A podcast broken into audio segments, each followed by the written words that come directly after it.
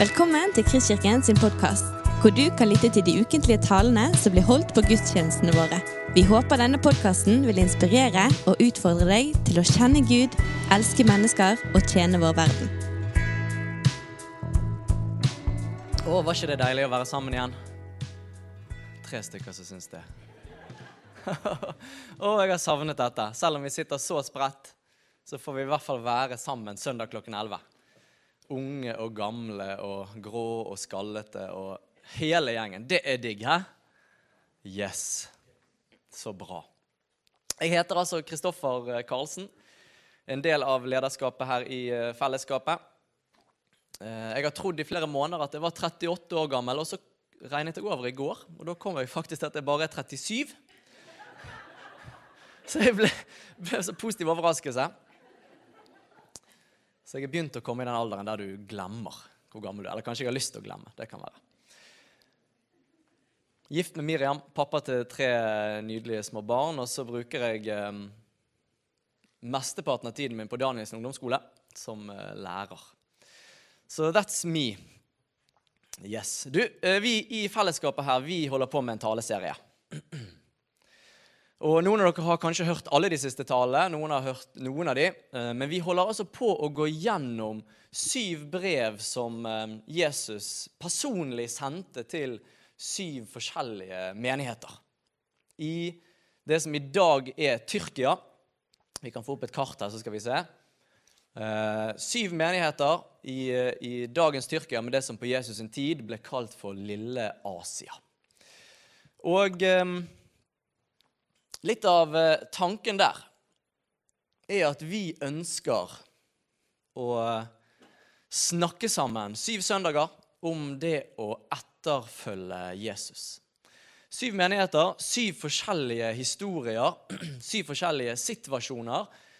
Men vi eh, tenker at de brevene var ikke bare skrevet til den gjengen som fikk det den gangen, men òg til oss i dag. Og så spør vi oss hver søndag mens vi jobber med disse syv brevene, hva sier du, Hellige Ånd, til oss som menighet? Hvordan angår dette oss i dag?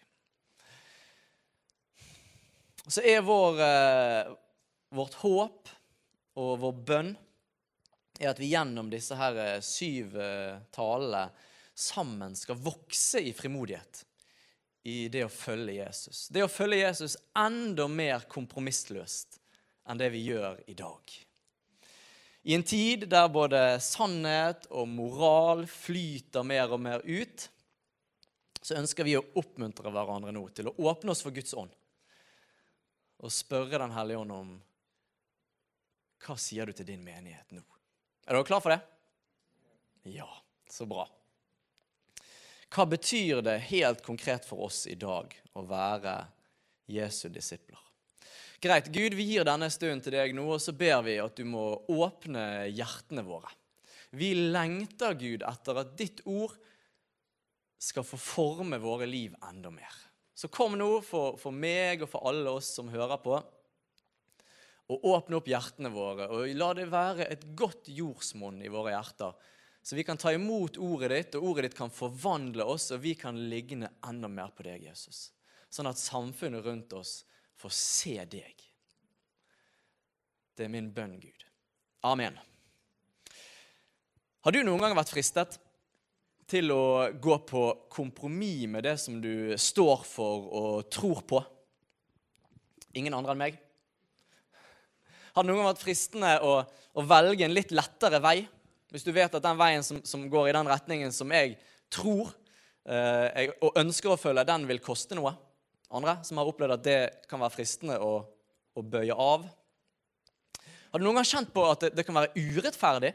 At andre mennesker får, får, på en måte en fordel eller får noen goder som du kanskje ikke får, fordi at du velger faktisk å si at nei, vet du hva, det der, det der, er, det der er, under min verdi. Det der, er en, en, det der er ikke min moral. Noen som har kjent på det, at det kan være urettferdig? Lance Armstrong, kjenner dere til han? Dere som kjenner meg, vet at jeg liker å sykle. Så da tar vi et sykkeleksempel i dag. Lance Armstrong han var altså eh, tidligere i hvert fall eh, vinner av Tour de France. Han har mistet tittelen. Men han var nylig blitt eh, amerikansk mester i landeveissykling. Han hadde vunnet alle ritt som var i, eh, i, eh, på andre siden av Atlanteren. Og så skulle han for første gang dra over eh, hit til Europa og begynne å konkurrere med de ordentlige proffene. Han ble signert av et italiensk profflag. Og så stiller han til start i sitt første proffritt. Og så opplever han at idet startskuddet går, så forsvinner alle de andre. Og han har mer enn nok bare med å henge med hovedfeltet. Og når de kommer til de første fjellene, så detter han av. Og Den samme historien gjentar seg i ritt etter ritt etter ritt første sesongen hans. Han har ingen resultater å vise til første året sitt som proff i Europa. Mot slutten av sesongen så, så, bestemmer han seg egentlig for å legge opp som syklist, reise tilbake til USA, finne på et eller annet annet å drive med. Men saken var den at i proffsirkuset på den tiden, midt på 90-tallet, så dopet alle seg. Og Etter hvert som han syklet ritt, så, så begynte han å høre historier om hvordan alle de andre var dopet. Så bestemmer han seg for ok, neste sesong jeg blir i Europa. Jeg skal trene enda hardere. Jeg skal, jeg skal gjøre, spise alt det riktige. Jeg skal gjøre alt det som går an. For jeg skal vise disse juksemakerne at det går an å vinne med å være rein. Så han kjører på én sesong til. Med enda dårligere resultat enn første sesongen.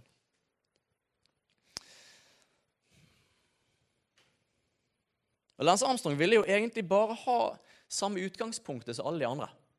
Det var urettferdig. Alle andre gjorde det. Og, og på denne tiden på 90-tallet så var det sånn at, at, at skulle du være proffsyklist, så var doping en del av greien. Alle gjorde det. Alle var med på det.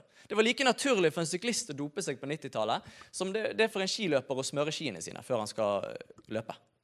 Så alle dreiv med det. Lance Armstrong eh, sin frustrasjon vokser. Presset i han for å gå på kompromiss med det som han visste var rett og riktig, ble høyere og høyere. Og så valgte han heller å oppnå en kortvarig glede enn eh, en livslang integritet. Vi kjenner historien. Eh, han valgte å dope seg. Han satte sin første sprøyte og ble tidenes uh, mestvinnende syklist i Tour de France. Bortsett fra at han nå per i dag ikke er det lenger, for han har mistet alle titlene sine. Menigheten som vi skal møte i dag i Tiatira, opplevde mye av samme utfordringene som Lance Armstrong. Vi skal se det, vi skal se på en menighet som, som lærer oss at når vi velger å bli lik verden, når vi velger verdens kultur fremfor vårt kall som kristne, når vi begynner å bli opptatt mer av hva verden tenker er rett, enn hva Guds ord sier er rett, så begynner vi å gå på kompromiss med Guds tanker. Først et lite steg, så et lite steg til, så et lite steg til, og så begynner snøballen å rulle. Menigheten i Tiatira, som vi i dag skal lese Jesus et brev til, skrevet i Johannes' åpenbaring, forfattet av eh, apostel Johannes mens han satt fanget på Patmos. Menigheten i Tiatira var altså den fjerde i rekken som får et brev fra apostel. De tre menighetene som vi har sett på til nå, Efesus, Smyrna og Pergamon, de holdt alle til i store kulturelle byer. Byer med et rikt, rikt eh, kulturliv. Sentrale byer. Tiatira, som vi i dag skal lese om, var en mye mindre by.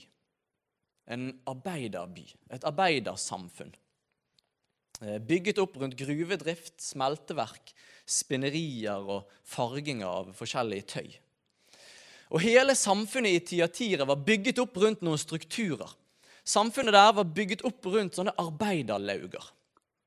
Et laug er jo på en måte en gammel eh, gammel form for det som vi i dag kanskje tenker på som fagforeninger. Men disse fagforeningene i Tyatira eh, var òg ganske likt eh, dagens mafiafamilier. Veldig strenge regler innad i, eh, i disse laugene for, for, hvordan du skulle oppføre deg, for hva du hadde lov å tro på, for hvordan du skulle utføre arbeidet ditt, for hvordan du skulle leve i familien din. Og Disse laugene var selve hjertet i samfunnet i Tyatira. Alle var med i et laug. Det var det som ga deg identitet. Det var det som ga deg rettigheter. Og alle disse handelslaugene hadde sin gud som folk i lauget, i foreningen, måtte forholde seg trofaste til. Hvis du ikke fulgte handelslauget sine regler, så risikerte du å bli utstøtt. Da ble du satt utenfor. Ikke bare utenfor lauget, men du ble satt utenfor hele samfunnet. Jobbmuligheter, forsikring, trygghet, relasjoner, mulighet til å være med i det gjeve selskapet mistet du hvis du ikke var med i disse laugene. I tillegg til det så tilba alle menneskene i eh, Tiatira og i Romerriket for øvrig Apollo, Sevs sønn, som òg ble kalt i Romerriket for Guds sønn. Og I området rundt Tiatira så har de funnet gullmynter med innskriften 'Guds sønn' på, og bilder av eh, Apollo. Og Det her var på en måte virkeligheten som denne her menigheten i Tiatira levde i. De levde under et vanvittig press.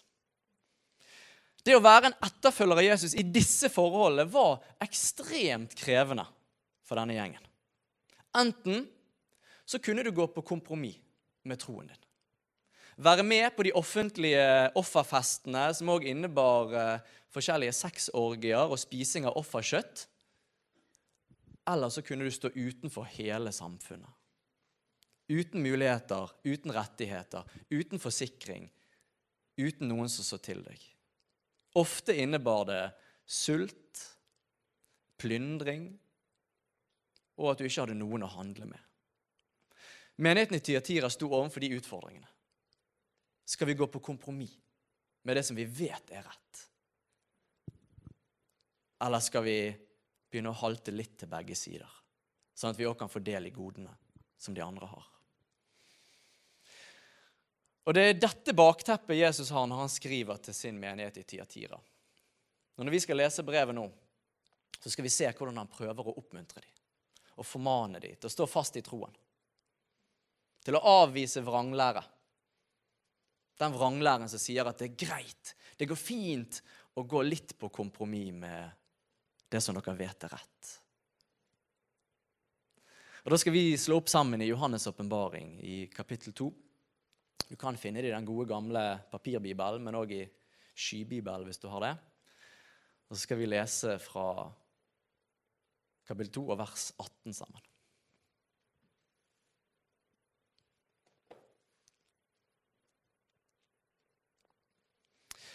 Skriv til engelen for menigheten i Tyatira. Dette sier Guds sønn.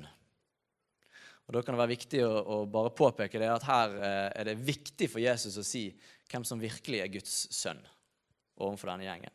Dette sier Guds sønn, han som har øyne som flammende ild og føtter som bronse. Et bilde som gjengen i Tiatira skjønte veldig godt. De hadde daglig sett hvordan ild og kraften, varmen i ild, smelter bronse. Altså Jesus bruker bilder som gjengen forstår. Guds sønn, han som har øyne som flammende ild og føtter som bronse. Jeg vet om dine gjerninger, din kjærlighet og tro, din tjeneste og utholdenhet. Ja, dine siste gjerninger overgår dine første. Men dette har jeg imot deg, sier han. Du tåler denne kvinnen Jesabel, hun som kaller seg profet men som med det hun lærer, lokker mine tjenere til å drive hor og spise avgudsoffer. Jeg har gitt henne tid til å vende om, men hun ville ikke omvende seg fra sitt horeri. Se, nå kaster jeg henne på sykeseng, og de som begår ekteskapsbrudd med henne, kaster jeg ut i stor nød dersom de ikke vender om fra hennes gjerninger. Og barna hennes vil jeg drepe med pest. Slik skal alle menighetene få erfare at jeg er den som gransker nyrer og hjerter og som gjengjelder hver og en av dere etter det dere har gjort. Men dere andre i Tyatira, alle som ikke følger denne læren, og ikke har kjent Satans dybder, som de kaller det, til dere sier jeg. Jeg legger ikke noen byrde på dere. Hold bare fast på det dere har, inntil jeg kommer. Den som seirer og holder seg til mine gjerninger helt til det siste, skal jeg gi makt over folkene. Han skal styre dem med jernstav, som leirkar blir de knust. Den samme makt har jeg fått av min far, og jeg vil gi ham morgenstjernen. Den som har ører, hør hva Ånden sier til menighetene.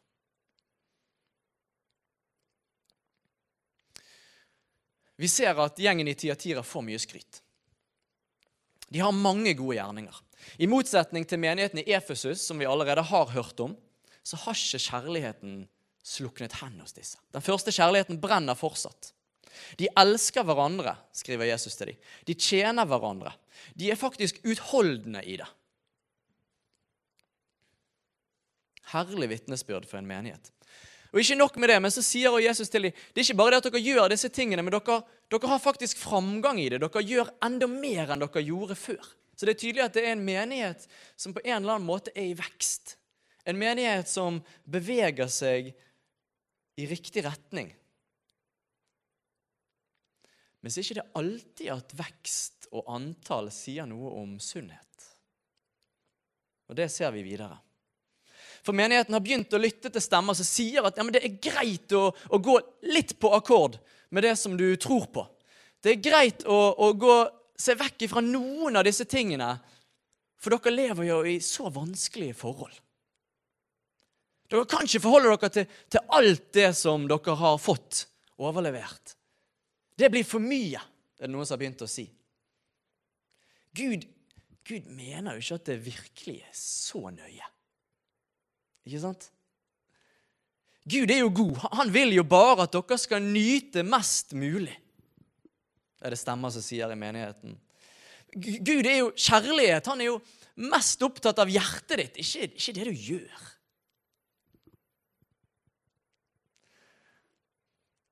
Og så er ikke det hvem som helst som står i ledtog for denne vranglæren, men det er en kvinnelig profet som har reist seg i menigheten. Hun er selvutnevnt. Og Det kan muligens se ut til at hun har fikset en eller annen form for ordning der menighetens medlemmer kan komme til hun og spise offerkjøtt. Og Så kan de komme til hun og ha sex med hun. Og så får de godkjennelse til å være med i disse handelslaugene. Så hun har på en måte skapt en eller annen form for rein avgudsoffertjeneste, så de kan være med på. Og så sier hun det går fint så omtales kvinnen som Jesabel. og Det er nok neppe navnet hennes. Eh, hvis du er en litt kjent bibelleser, så vet du at det ikke er et hedersbetegnelse eh, av et kvinnenavn. Jeg hørte altså om en familie i Afrika som fikk eh, barn, og så var de ganske nye i troen. og Så hadde de bare begynt å lese i Bibelen, og så var de akkurat kommet til første kongebok. Og Så leste de om, om en, en, konge der som hentet seg en dronning som het Jesabel. og Så fikk de akkurat en datter i samme tiden, og så tenkte de alle de andre kristne kaller jo barna sine for bibelske navn, så vi kaller henne for Jesabel. Jeg håper de endret navnet etter hvert. Um, men Jesabel-navnet Neppe så het hun damen det. Men det er et navn som, som spiller på den rollen hun hadde i menigheten. For hun ønsket å åpne dørene for avgudsdyrkelse i menigheten i Tiatira. Og Hvis du kjenner bibelhistorien, så var det kong Ahab som hentet seg en hedensk kone i første kongebok 8, som het Jesabel. Og Hun åpnet dørene i Israel for avgudsdyrkelsen av Baal. Gjennom spisingen av offerkjøttet og de seksuelle eh, orgiene som de hadde på den tiden. Og igjen, Det var ikke bare nok med det, men, men alle disse sexorgiene som hun innførte i landet til, til ære for Baal, førte til at mange mange damer ble uønsket gravid det løste hun på en veldig enkel måte. De kunne bare ofre barna til Bal for å hedre han. Så Jesabel-navnet er, det, det er en forferdelig skikkelse.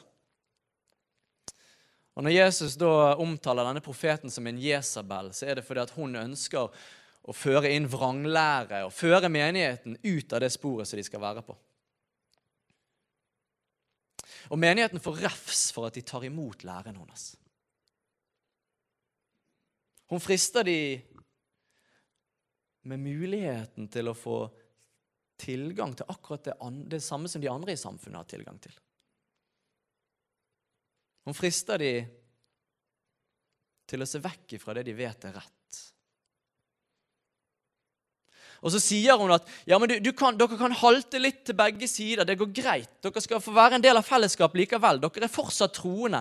Dere tilhører fortsatt Kristus. Det går fint, sier hun.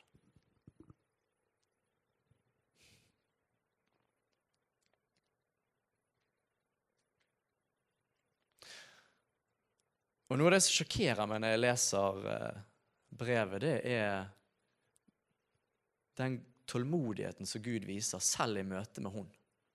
For han sier i vers 21 Jeg har gitt hun tid til å omvende seg. Tenk at Gud har det. Tenk at han har gitt denne damen, som holder på å legge hele hans menighet i Tiatira i ruiner, han har gitt hun tid til å omvende seg. Da er Gud tålmodig. Men så sier han videre hun har ikke vendt seg om fra sitt horeri. Så Gud er tålmodig på den ene siden, men på den andre siden så er Gud òg hellig. Og Det ser vi videre i det som han skriver til menigheten i vers 22. Se, nå kaster jeg henne på sykeseng. De som begår ekteskapsbrudd med henne, kaster jeg ut i stor nød dersom de ikke vender om fra hennes gjerninger. Og barna hennes vil jeg drepe med pest. Og det er ikke snakk om hennes eh, barn av kjøtt og blod, men det er de som følger henne. Slik skal alle menighetene få erfare at jeg er den som gransker nyrer og hjerter, og som gjengjelder hver og en av dere etter det dere har gjort. Så Gud er en hellig Gud. Han tolererer ikke synd. Det står det i Guds ord at han faktisk hater synd. Og Det vil aldri noensinne komme en tid der Gud ser på min og din umoral, min og din egoisme, min og din synd, og sier det er greit. Jeg godkjenner det. Den tiden kommer aldri. For Gud er hellig. Synd og Gud går ikke sammen. Gud er adskilt fra det.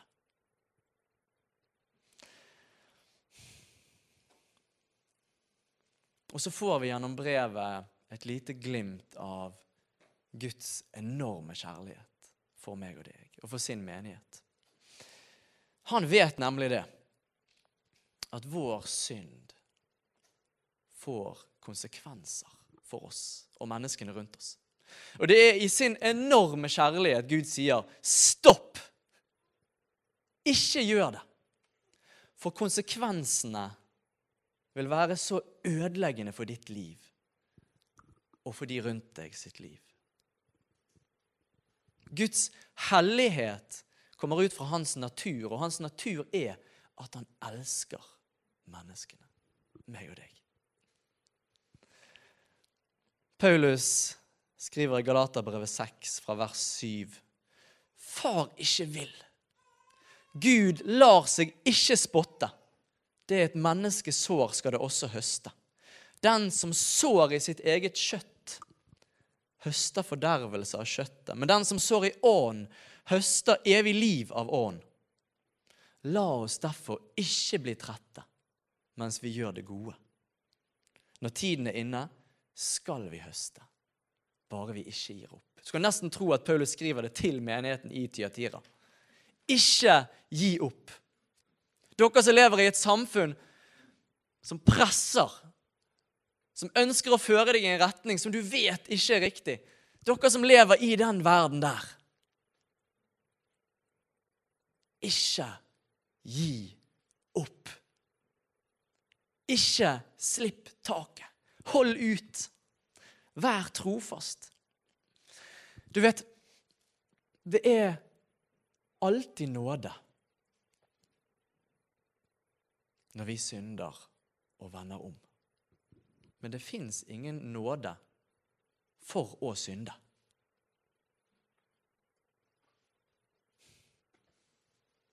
Det er alltid nåde når vi vender om og ber om tilgivelse. Men det fins ingen nåde vi kan synde på og si ja, men jeg får tilgivelse. Gud tilgir meg jo. Når jeg var ungdom, så lærte jeg at det heter å synde med hevet hånd.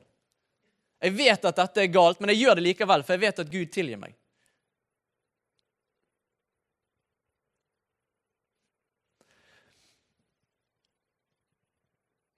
Det er ikke mulig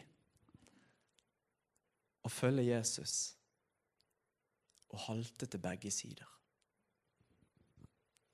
For han har sagt 'Jeg vil være herre i livet'. Jeg vil være herre i livet ditt. Og her står menigheten i Tiatira i utfordringene. Hvem skal være herre i mitt liv nå? Hvem følger jeg nå? Og Jeg sier ikke at man må være perfekt som kristne. Overhodet ikke. De av dere som kjenner meg, vet at det er ikke tilfellet. For, for jeg er så langt ifra sjøl. Det handler ikke om å være perfekt. Men min drøm er at vi som fellesskap i Kristkirken skal være et fellesskap som tar imot alle mennesker, og som aksepterer alle mennesker. Enten livet er helt i grus, eller alt er på stell. Jeg ønsker at vi skal være et fellesskap som tar imot alle mennesker med åpne armer, uten fordømmelse. Men det å ta imot og akseptere alle mennesker betyr jo ikke det at du må være enig. Vi lever i et samfunn der det er der du er fordømmende. Hvis du sier 'Nei, det der er ikke greit'. Det der syns ikke jeg er greit. Vi lever i et samfunn der det settes likhetstegn mellom det å akseptere noen og det å være enig med noen. Det er to helt forskjellige ting. Det går an å akseptere alle mennesker. Men du trenger ikke være enig. Og Jesus viser det så fantastisk i Johannes 8. De kommer dragende med en dame som er tatt på fersk gjerning i hor. De har lyst til å fordømme henne. De vil kaste stein. De vil drepe henne. Og Så snur Jesus hele situasjonen, og så ender det med at alle disse sinte mennene, for det var kun menn som sto der, det er jo interessant, slipper steinene sine og går vekk. Og Så står Jesus alene igjen med henne, og så så sier ikke han 'Jeg er enig i alt du har gjort'. Når han sier 'Heller ikke jeg fordømmer deg, men gå bort og synd ikke mer'. Han gjør begge deler. Jesus var full av nåde og sannhet. Uten at de rundt han ble fordømt. For det at han elsker meg og deg akkurat der vi er. I dag mistet jeg temperamentet rundt frokostbordet. Fordi at mistet, en av ungene mistet et egg i bakken. Og egget var til og med hardkokt, så det skjedde ingenting galt. Idiotisk. Går det an å bli sint på barna sine for noe sånt? Det, er jo flaut å si det. Men han elsker meg akkurat der i min manglende evne til å oppføre meg kjærlig overfor barna mine. Så elsker han meg akkurat der, men ikke for at jeg skal bli værende der. Han elsker meg så høyt at han vil ha meg videre. Og så sier han derfor, 'Kristoffer, stopp med det der, og følg meg.' Slutt med det der. Følg heller etter meg. Kom denne veien. Dette er en bedre vei. La meg få lede deg. Ikke velg den retningen der. Følg meg, så forandrer jeg deg. Jeg vet ikke hva område i livet du gjerne kjenner at du halter på. Har du områder i livet der du kjenner jeg går på kompromiss med det jeg egentlig tror på? Hva område i livet er det du betaler en pris akkurat nå for å stå på det du mener er rett og sant?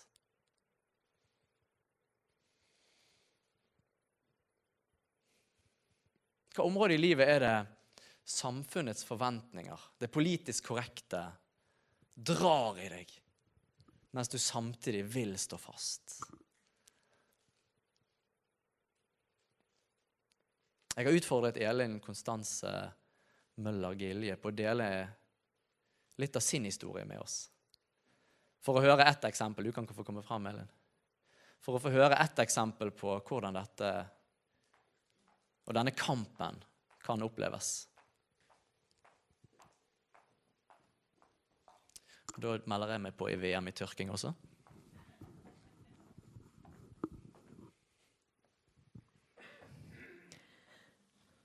Takk for det du deler, Kristoffer. Så spurte Kristoffer meg om jeg Eller om det var ja, mitt uh, vitnesbyrd om det her. Og jeg uh, må jo si det at jeg uh, syns kanskje i ettertid at det var litt dumt av meg å si ja til dette. eh, fordi at eh, vitnesbyrdet handler jo eh, helt klart om Gud og hans virke i menneskers liv. Eh, og da Heldigvis så virker han eh, i våre liv, og det tror vi alle her inne har opplevd på forskjellig vis. Og det vet jo jeg òg. Og jeg vet òg at det er så mange her inne som sitter med så mange sterke historier om hva Gud har gjort i livene, og hva kostnad det å følge Han har vært. Så Derfor så føles det litt sånn ja, ydmykende å skulle stå her og si noe, for det andre kan jo sitte og si at ja, men skulle hørt min historie. Ja. Men her blir iallfall noe av det som jeg kan fortelle fra mitt liv. Nå har Kristoffer sagt hva jeg heter, ja. Elin Konstanse heter jeg.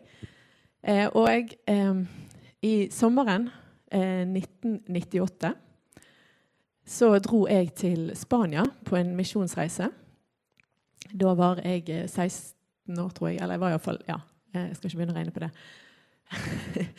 Men eh, jeg var, jo, jeg var det.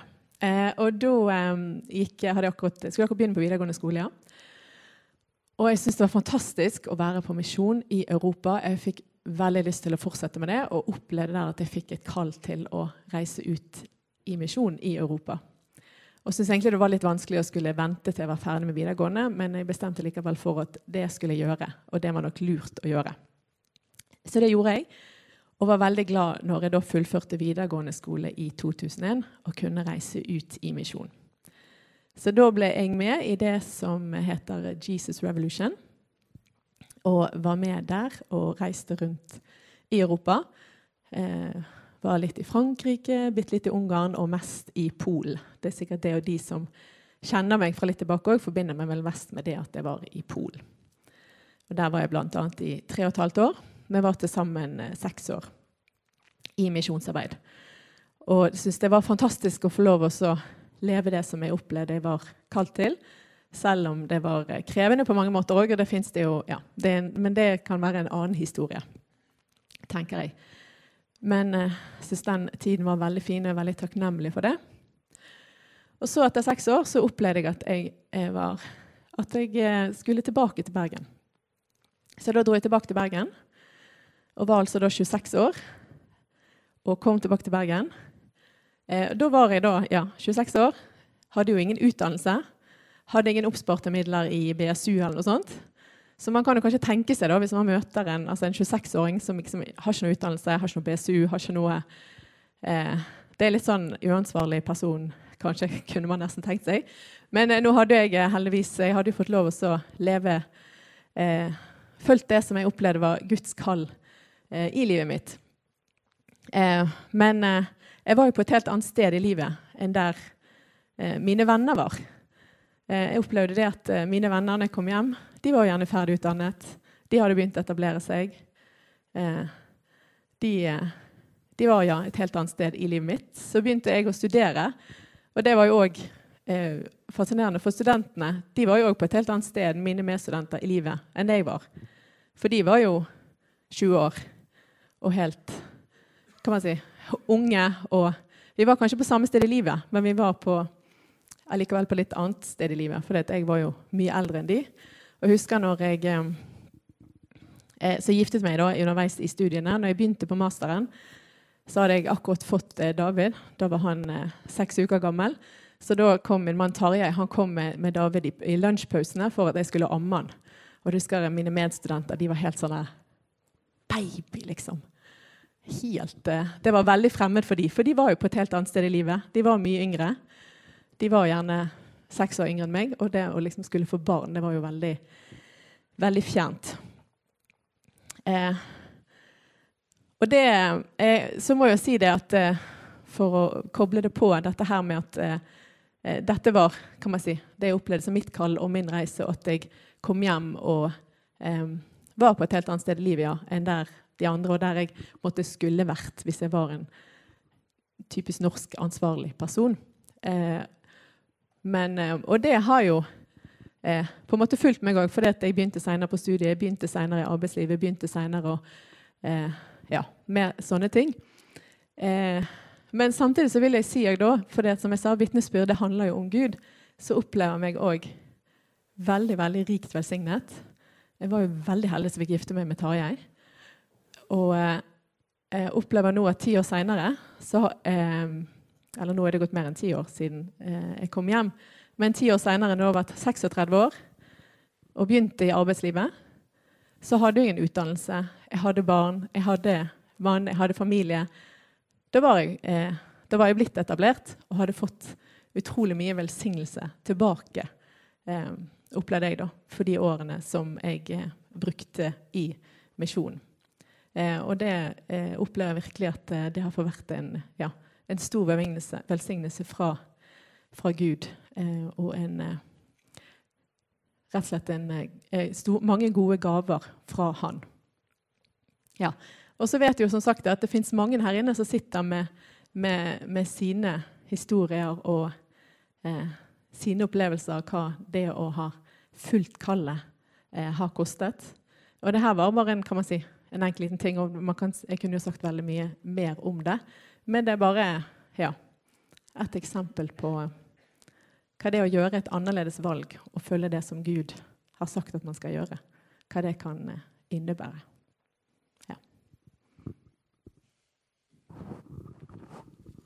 Takk skal du ha, Elin. Ja, hva områder er det du kjenner i ditt liv? Hvor er det Gud kaller? Hvor ligger utfordringen? Du vet, Menigheten i Tiatira får denne her eh, formaningen til slutt i dagens brev. Hold bare fast på det dere har, inntil jeg kommer. Den som seirer, og holder seg til mine gjerninger helt til det siste, skal gi makt over folkene. Han skal styre dem med jernstav, som leirkar blir de knust. Den samme makta jeg har fått av min far, og jeg vil gi han morgenstjernen. Så Jesus sier, hold fast på det du har. Ja, hva er det jeg skal holde fast på, da? Hold fast på løftene. Hold fast på håpet. For han sier, den som seirer og holder seg til mine gjerninger helt til det siste, skal jeg gi makt over folkene. Det handler ikke nødvendigvis om denne siden av døden. Og jeg skal gi han morgenstjernen. Og Hvis du er kjent i Guds ord, så vet du at morgenstjernen det er den oppståtte Kristus. Det er noen som lengter etter mer av han. Ikke sant? Hold fast, sier han. Hold fast. Det livet her på jorden vet du, det er bare et kort vindpust. 80 år, 100 år imot evigheten, så er det ingenting. De ofre som vi i dag legger ned for å si at 'jeg står for noe, jeg tror på noe', 'dette er rett og sant', og 'jeg velger denne retningen', de kampene og de ofrene der, målt mot evigheten, så er det som et pust å regne. Løft blikket. Moses gjorde det. Vi skal avslutte med det. Lovsangsteamet kan få begynne å komme opp. Moses gjorde det. Tenk deg Moses, som kommer inn i farao sitt palass. Han blir farao sitt barnebarn, med alle de rettighetene du har hvis du er farao sitt barnebarn. Og så står det i Hebreabrevet 11.: I tro nektet Moses Hør på dette. I tro nektet Moses da han ble stor, å kalles sønn av faraos datter. Han ville heller lide ondt sammen med Guds folk enn å nyte synden en kort tid. Hva synder er det som drar i deg? Hva er det som prøver å lokke deg vekk, meg og deg, vekk fra Guds hellighet? Vei videre så står det han holdt Kristi vanære for en større rikdom. Han holdt Kristi vanære for en større rikdom enn skattene i Egypt, for han så frem til lønnen. Det var noe der framme som han lengtet etter. I tro forlot han Egypt uten å frykte kongens vrede. Han holdt ut, for det var som om han så den usynlige. Han hadde festet blikket sitt på et punkt ikke rett foran skotuppene, men lenger der framme. Han hadde festet blikket på Jesus, og så hadde han sett det, at det kommer en tid der jeg får lønn Det kommer en tid der håpet skal oppfylles. Jeg har lyst til å invitere deg nå til å lukke øynene dine. Så skal vi bruke en sang nå i stillhet, der du får tid til å spørre Gud. Gud, hvordan gjelder dette mitt liv? Hvordan gjelder dette oss som menighet? Hva sier ånden til menighetene nå? Og hva sier ånden i mitt liv? Ut ifra denne her gjengen i Tyatira. Hvor er det du, Gud, kaller meg til en høyere vei? Hvor er det du kaller meg til å følge deg? Og så er min bønn, Gud, at du må hjelpe oss å løfte blikket. Vi får se på deg. Fest blikket vårt på Jesus. Gud, hjelp oss å fokusere. Sånn at vi har evigheten for øyet. Den prisen vi betaler i dag, Gud, det er som ti øre å regne mot det, den lønnen som venter.